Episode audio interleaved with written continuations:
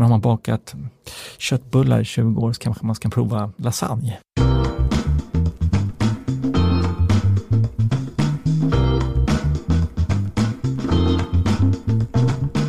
Han köpte sina första aktier i tonåren. Sedan dess har han blivit en välkänd profil inom sparande.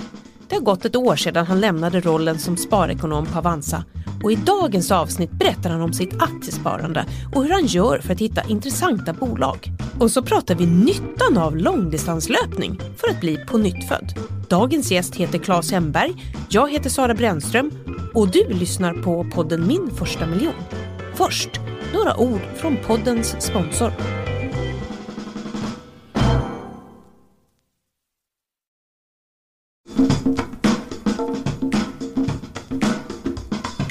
Välkommen hit Claes Hemberg. God morgon. Du eh, har eh, blivit känd som sparekonom på Avanza, en roll du hade i 20 år eh, som du lämnade i fjol. Och i grunden är du journalist och du har genom åren skrivit en hel del böcker på temat privatekonomi. Men hur blev du intresserad av sparande och aktier? Jag eh, hade inga pengar eh, och var tvungen att spara pengar själv som barn för att ha någonting att använda. På den vägen är det. Så min första sparkrona la jag undan när jag var åtta år Eh, och tänkte vad ska jag göra med den? Efter två veckors funderingar så valde jag att lägga den på en bussresa hem från skolan. Det tog tre och en halv minut så var den kronan borta. Men det var en upplevelse. Sen dess har jag inte åkt så mycket buss. Jag var nöjd med den investeringen. Men eh, aktieintresset då? Ja, det kom sen då. Eh, för jag funderar på eh, matematik, jag funderar på ekonomi och samhälle. Hur funkar allt det här? Och var nyfiken på hur det fungerar i samhället. Så jag köpte mina första aktier till jag var 15-16 år. Och sen fonder och ja, sen dess har det bara rullat på. Men dina föräldrar, var de intresserade av? Lite grann, men egentligen inte så mycket. Utan det var mer att jag var samhällsintresserad snarare än ekonomiintresserad. Och hade ganska svårt i skolan, så jag var tvungen att läsa väldigt mycket för att få in, jag tror jag, jag läste dygnet runt från jag var sju år till jag var 20. Eh, och då hann jag med att läsa en del ekonomi också. Men du blev journalist mm. och jobbade en massa år. Hur kom det sig sen att du blev sparekonom på Avanza som var helt nybildad då? Just det. Nej, men jag, jag har alltid varit fascinerad över att försöka förklara saker på ett enkelt sätt. När jag var då i skolan hade svårt där så gjorde jag egna skolböcker bara för att jag tyckte skolböckerna var dåliga. Så jag har haft samma ingång att kan man göra en sak enklare så ska man göra det. För då kan man förklara för fler och om inte annat för sig själv. Eh, och på Avanza var samma sak. Avanza hörde av sig och frågade om jag kunde hjälpa dem att förklara vad de höll på med. För de hade förstått tekniken men de hade inte förstått hur ska de förklara aktiehandel för vanligt folk. Men då var du på Aftonbladet eller någon annan tid? Då var jag pappaledig faktiskt alldeles innan. Eh, så Aftonbladet var, var innan pappaledigheten. Mm. Okej. Okay. Men så det, just det här sparandet, det, det hade du i dig, var det det du skrev om? Eh, inte som journalist var det inte det, utan då var det allmän reporter. Men sen så ramlade jag in på ekonomi då också förstås och uh, pluggade eh, företagsekonomi och nationalekonomi och sånt där på vägen. Eh, så att Avanza var mer ett sätt att egentligen jobba med ett intresse för samhällskunskap snarare än ekonomi. Men du ser tillbaks på de här 20 åren, hur tycker du synen på privatekonomi och sparande har förändrats sedan dess? Oj, på 80-talet var det mycket att handla eh, statliga bolag som såldes till börsen. De hette Pharmacia och Procordia och sånt där. Och sen på 90-talet, 2000-talet eh, var det mycket IT-aktier som jag själv lyckades undvika faktiskt. Eh, och sen då har det blivit PPM-valet som gjorde att vanligt folk sparar fonder. Och nu har det varit lågprisfonder de sista 5-6 åren. Bolån har kommit igång som en diskussion så jag tycker att många är mycket mer intresserade idag. Men eh, jag skulle fortfarande säga att majoriteten är, har inte förstått ekonomi eller upptäckt att det kan faktiskt påverka deras liv ganska mycket. Eller väldigt mycket. Men du tycker inte att det har blivit en förbättring då? Med att jo då, det har det blivit, men fortfarande tycker jag att det finns mycket kvar att göra. Mm. Men jag var ändå nöjd här för ett år sedan och kände att nu har jag gjort mitt, nu får, nu får nya unga krafter ta över. Men du, just det, du lämnade Avanza för ett år sedan och mm. i, i, i, samband med det då sålde du av en hel hög med aktier som du hade i Avanza. Ja, precis, jag köpte dem 2002, eh, 2003 någonstans där. Så det var, ja, vad blev 15-16 år med, med samma aktier. Mm. Mm. Men varför sålde du? Jo, men jag känner att jag har jag varit där och är klar och har inte säga, samma insyn längre och samma förståelse längre för vad företaget gör, då ska jag lägga pengarna på något annat som jag kan göra samma, ska säga, samma experiment med att spara där jag jobbar. Men vad investerar du då pengarna? Idag? Mm. Eller med de där pengarna Ja precis. Ja, ja, jo, men jag har hittat, eh, efter mycket om men så hittade jag fem stycken företag som jag idag jobbar med. Det tog ett halvår, jag träffade totalt 117 tror jag, bolag som jag intervjuade och diskuterade med och se om vi kunde samarbeta på något sätt. Och så hittade jag fem som jag idag då har lagt pengar i och eh, arbetstid i framför allt. Jag jobbar där på Mm. olika sätt. Okej, så det är det du gjort sedan du har slutat då? Just det, precis. Och vad är det för bolag? Och det, det är bolag som egentligen har bra människor. Så- Sån är jag. Jag gillar bolag med bra människor. Eh, sen så har de förstås spännande idéer också. Eh, ett är en solenergibolag eh, som jobbar med eh, solpaneler på fabrikstak. Alltså de gör av mycket energi och kan de hitta billig energi som är natur, eller vad heter, ekologisk så är det bra. Eh, så det är en spännande industri. En annat bolag eh, jobbar med vatten, eh, vattenrening, vattenbesparingar. Så jag var på Gotland bara häromdagen och pratade vatten med kommunen, och skolor och dagisbarn och företag och hotell. Just att göra en, en svår fråga enkel så att många kan prata om den. Eh, Altred heter det bolaget. Eh, sen är ni i bolag som jobbar med eh, radioteknik. Industrin eh, kan förenklas, automatiseras, för, förbättras med hjälp av radioteknik. Algon, det är börsnoterat förresten.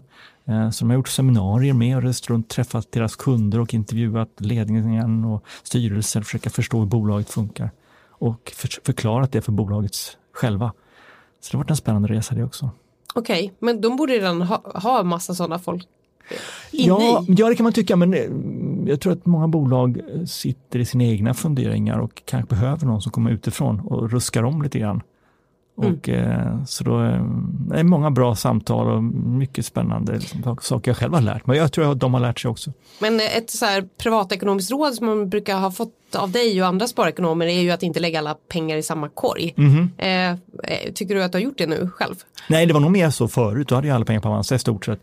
Eh, även om jag sålde av under tiden för att eh, göra lite andra sp- spar. Men det var det typ 95 procent hade jag på Avanza. Så så är det inte idag. Idag har jag kanske 20 olika bolag. Men majoriteten av de här fem som jag jobbar i. Men hur aktiv är du då med din, dina placeringar? Under de här 20 åren på Avanza så hade jag Avanza-aktien så det var inte så mycket trading där. Jag var nog en av de sämsta kunderna för Avanza. Eh, men sen dess har jag kunnat välja mera eh, aktier Men idag, hur ja. gör du då?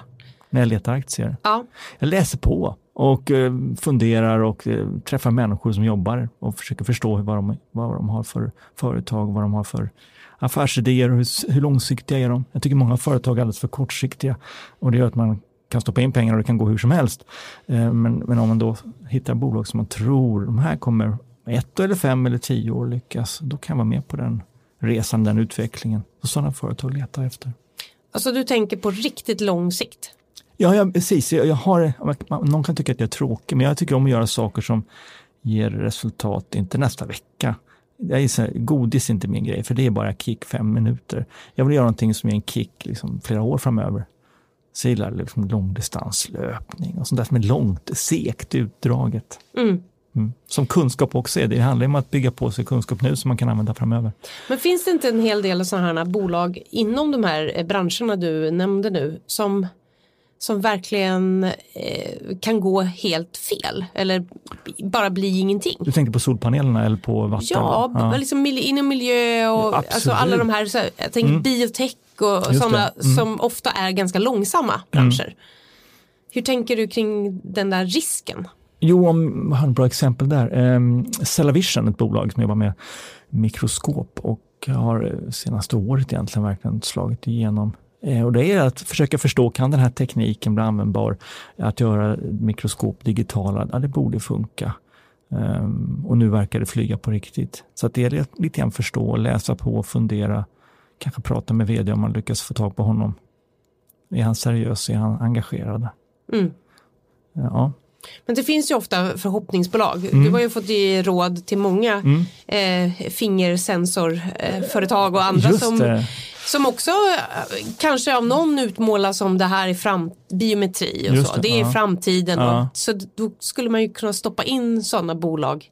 Hur kan man upptäcka att det kanske inte riktigt är det där lyckosamma eller det där trygga placeringen? En sak är om det är en teknisk bubbla, att, att du, tekniken kommer inte lyckas. I det fallet det här fingersensorbolaget eh, så hade Avanzas 56 000 sparare som la in pengarna trots att jag varnar för bolaget, hej och hå. Mm. Nåväl.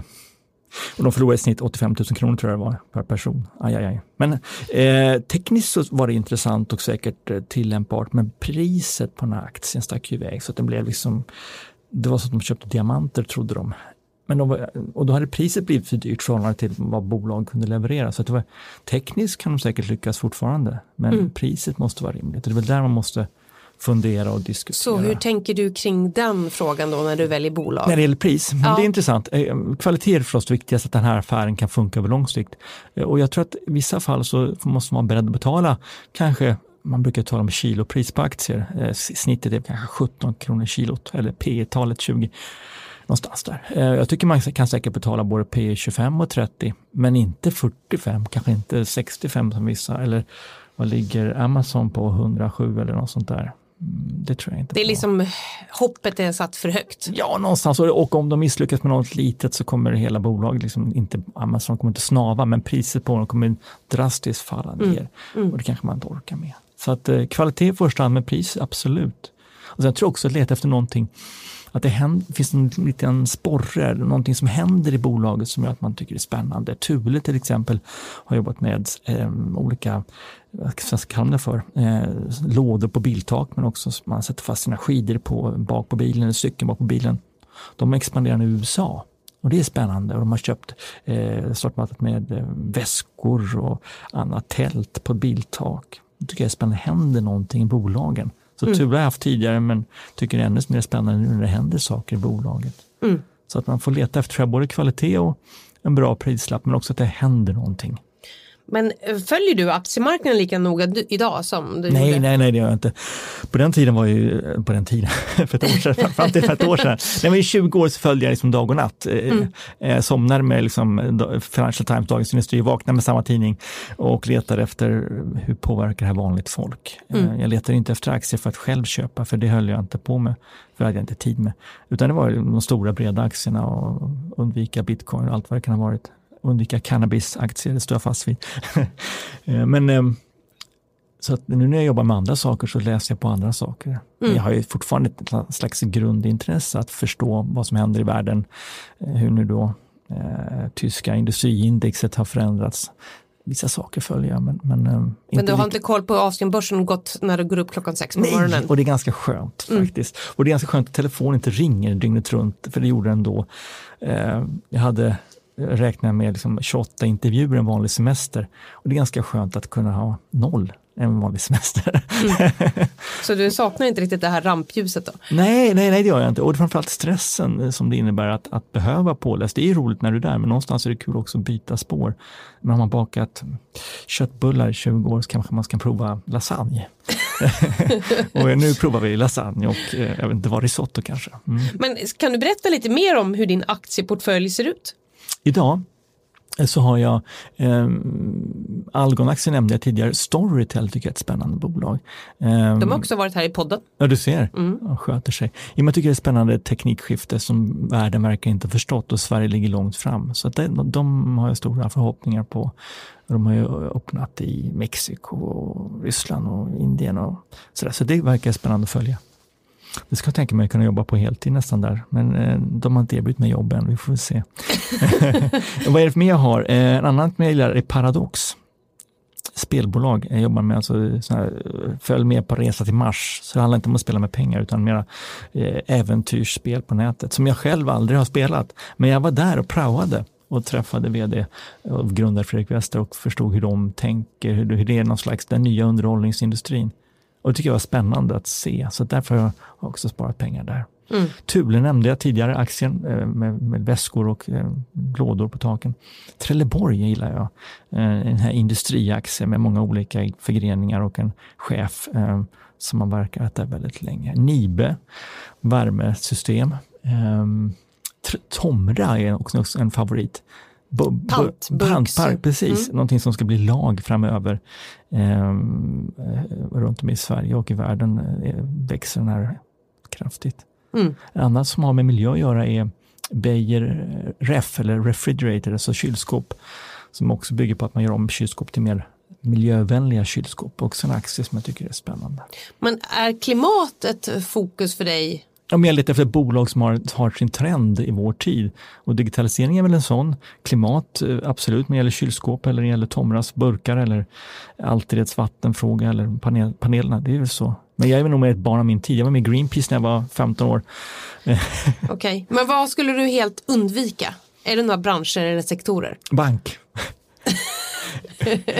Eh, inte just Avanza Bank, men de stora bankerna, för jag tror att de har jätteproblem framför sig. Alltså rent av privatekonomiska skäl skulle jag inte stoppa in mina pengar där. De kommer ha jätteutmaningar när det kommer olika nischspelare, om det nu är robotar, bolåneutmanare, om det gäller betallösningar. Jag förstår inte att de kommer finnas kvar om tio år. Jag tror de kommer vara helt, inte utsuddade, men sönderslagna i smådelar, för de kommer inte kunna konkurrera som stora jättar. Det finns liksom ingen fördel att vara en jätte när det kommer ett, som ett myggsvärm av aktörer som jagar den här stora elefanten. Ja. Så den skulle jag undvika. Mm. Okej, okay. är det någon annan sektor? Ja, men sån här tobak och sånt där kan, kan jag inte med bara för jag tycker det är så tragiskt att se människor må dåligt och få cancer. Så det kan jag inte heller sponsra. Har du några tips till lyssnarna som vill bli rik på att placera pengar eller i aktier? Um, bli rik. Jag, jag är lite grann allergisk mot det där ordet bli rik. Eh, eh, jag, jag, tror att det funkar inte så. Man, man, kan inte ha målet att bli rik utan man måste ha målet att man vill förändra någonting och skapa någonting och sen har man, har man tur eh, eller skicklighet så, så råkar det bli pengar av det där också. Men det är mera tur tror jag. Så att jag tror det är viktigt att hitta en sak man brinner för. Du har inga råd då? då? Ja, med rådet som vi ser, eller missförståndet som jag tror många gör om man tittar runt omkring oss, att de glömmer bort att lägga undan en del av lönen för att inte använda den och låta den växa. Att man tror att någon annan ska lägga undan pengar åt en, typ staten eller moster. Men du tycker inte att man ska ha dem på sparkontot då? Nej, nej det tror jag inte. På. Och Så vad ska man göra då? Jag tror att vanliga svensken behöver öppna ett ISK-konto för att få låg skatt och sen en billig global fond för att inte liksom vara utsatt för just Sveriges ekonomi eller, eller Löfven eller Ingves påhitt. Um, sen kan man visst bli intresserad av aktier, men det är ju väldigt svårt att, att, um, att snabbt hitta en aktieportfölj. Eh, mina döttrar hade lite Husqvarna och Tomra för övrigt, för de tyckte tomburkar och symaskiner var bra. Uh, så det går ju att ha lite pengar i det, men jag tror inte man ska lägga sina stora pengar i aktier om man inte är beredd att lägga mycket tid på det. Sen ser jag också sett, tycker jag, senaste åren att folk slår över och blir överintresserade och tittar på sin aktieportfölj varje dag. Och då har man på något sätt blivit manisk. Det tror jag inte heller är bra. Då börjar man riskera att trada bort sig snarare eller handla bort sig. Okej, okay. men vad ska man tänka på då om man bygger upp en aktiesparande? Ändå, om man ändå har kommit så långt så att man har läst på om P talen och är lite intresserad och ändå följer med i samhället. Ehm, jag tror vi behöver tänka på att in, ha någonstans mellan fem och tio aktier. För har man färre så blir man för utsatt för svängningar eller tillfälligheter. Har man för många aktier så då har man inte riktigt koll. så det gäller att hitta en balans där. Själv riskerar jag alltid att få för många aktier. Jag måste liksom, nej, nej, nej, nu börjar jag för många. Jag får minska ner antalet igen. Ehm, så att man måste lära sig känna sig själv tror jag också. Mm. Och sen aktier som man själv förstår, kan läsa på av rent intresse och ha lite kunskap om så att du förstår varför du lägger dina pengar där. Det tror jag är viktigt. Mm. Vilken är din bästa investering du har gjort? Avanza-aktien. Eftersom jag var med så länge och det är väl också en bra lärdom att, att leta efter någonting som håller på lång sikt och sen hålla det på lång sikt. Eh, så de aktierna hade jag i 15 år. Och, och, och, det är bra. Och sånt ska man ju ha. Mm. Inte hålla på att köpa och sälja, det ska man sluta med. Den här podden heter Min första miljon. Mm. När tjänade du ihop din första miljon? Du tänkte skavsår eller antal miljoner huvudvärk? Kronor tänkte kronor, jag då. Kronor mm. tänkte jag, ja. det där ja, just det. Nej, men det var någonstans 2000, år 2003 kanske någonstans. Jag hade sparat ihop pengar och investerat i Avanza-aktier och Avanza gick bra. Och så sålde du av dem, eller? Ja, men det var ju efter 15 år först så att jag sålde inte av dem då. Nej, okay. Eh, så att jag har aldrig haft, ska man säga, behov av att köpa en bil eller, eller, eller um, ska man säga, göra någonting med en miljon kronor. Så. Utan de har fått växa vidare. Mm. Men är pengar en drivkraft på något sätt hos dig? Nej, nej, faktiskt aldrig. det har mer varit eh, nyfikenhet att förstå samhället och lite grann jag har, jag har väldigt svårt att somna varje kväll och det är för att jag vill läsa mer och förstå mer. Jag har svårt att, liksom, att lämna eh, om det nu är böcker eller tidningsartiklar eller poddar, vad det nu kan vara. Jag vill liksom alltid lära mig mer, det är som en stor svamp.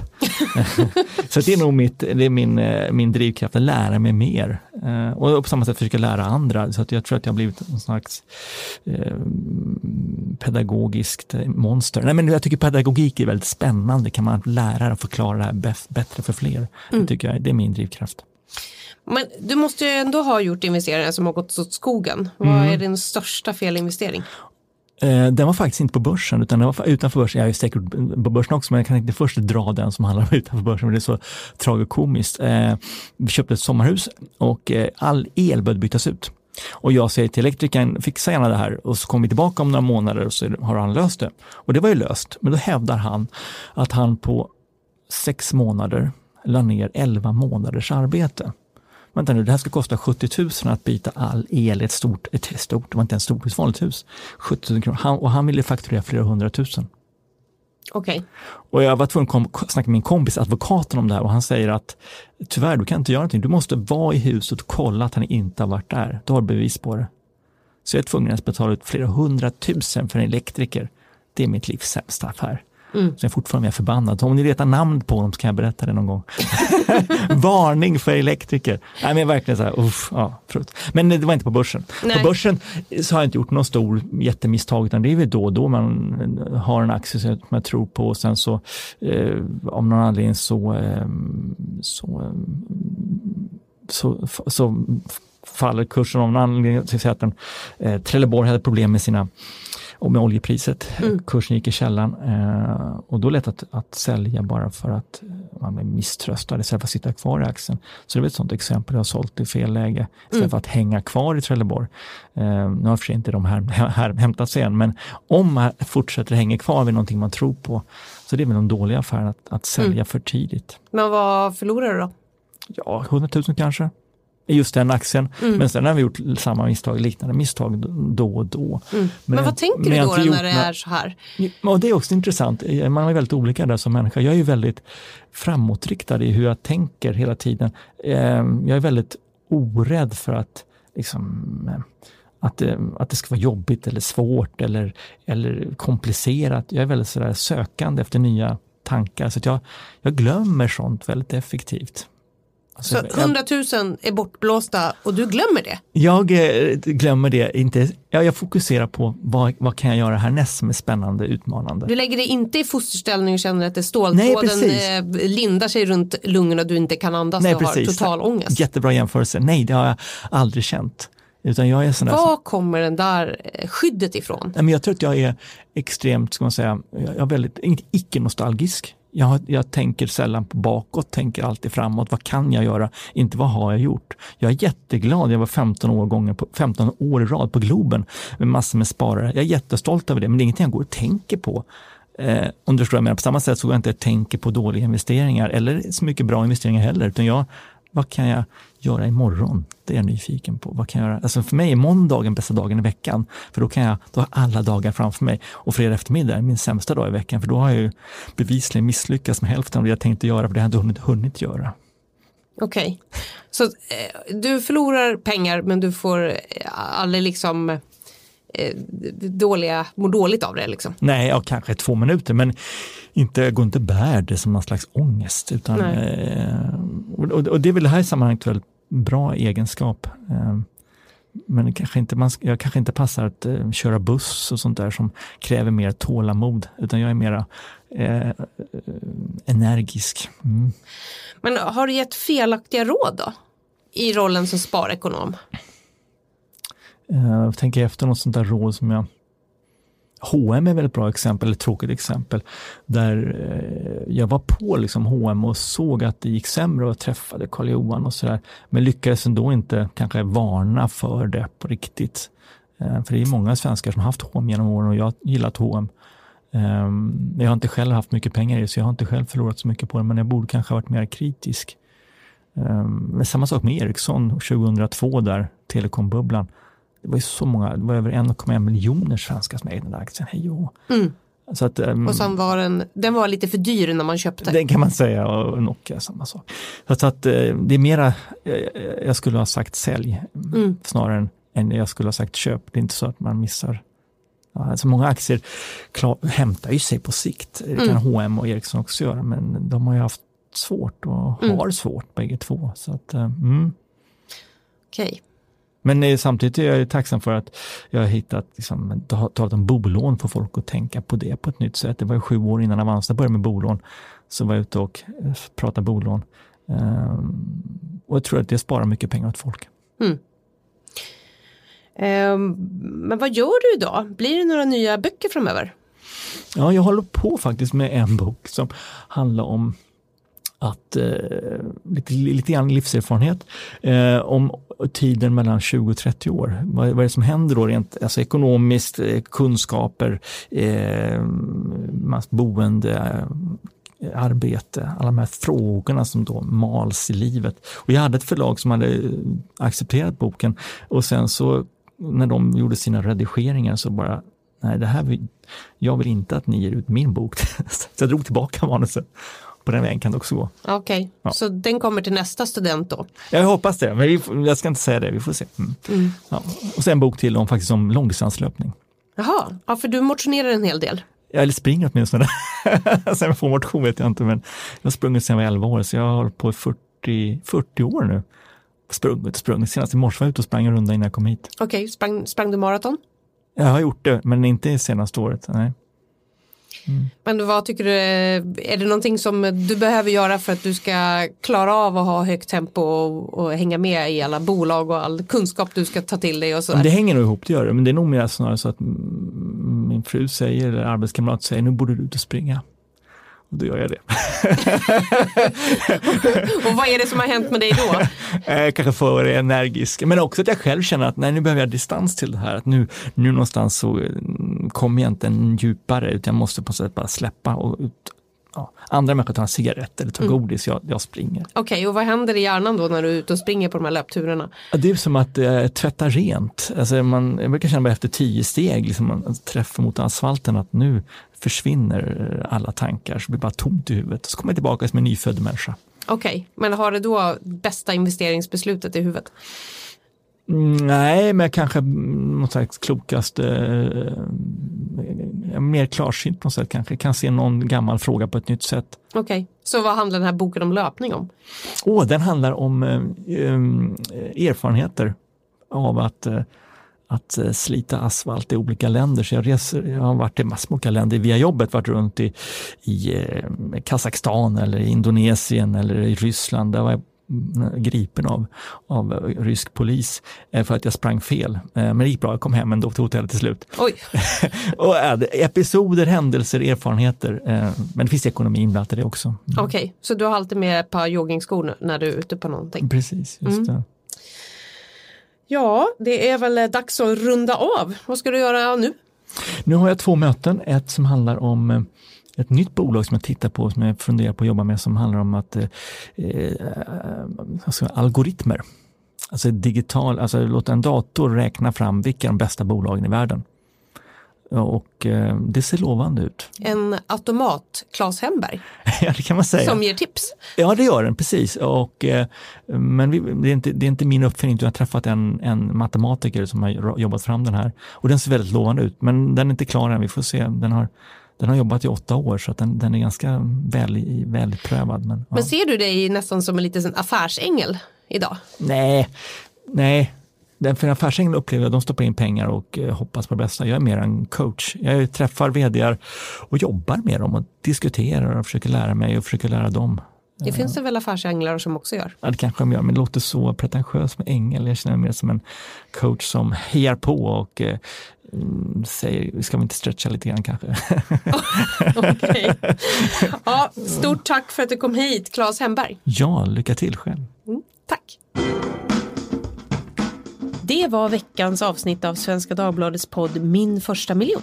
Missa inte förra veckans intervju med finansmannen Sven Hagströmer som berättar hur det gick till när tre före detta värstingar fick jobb i finansbranschen.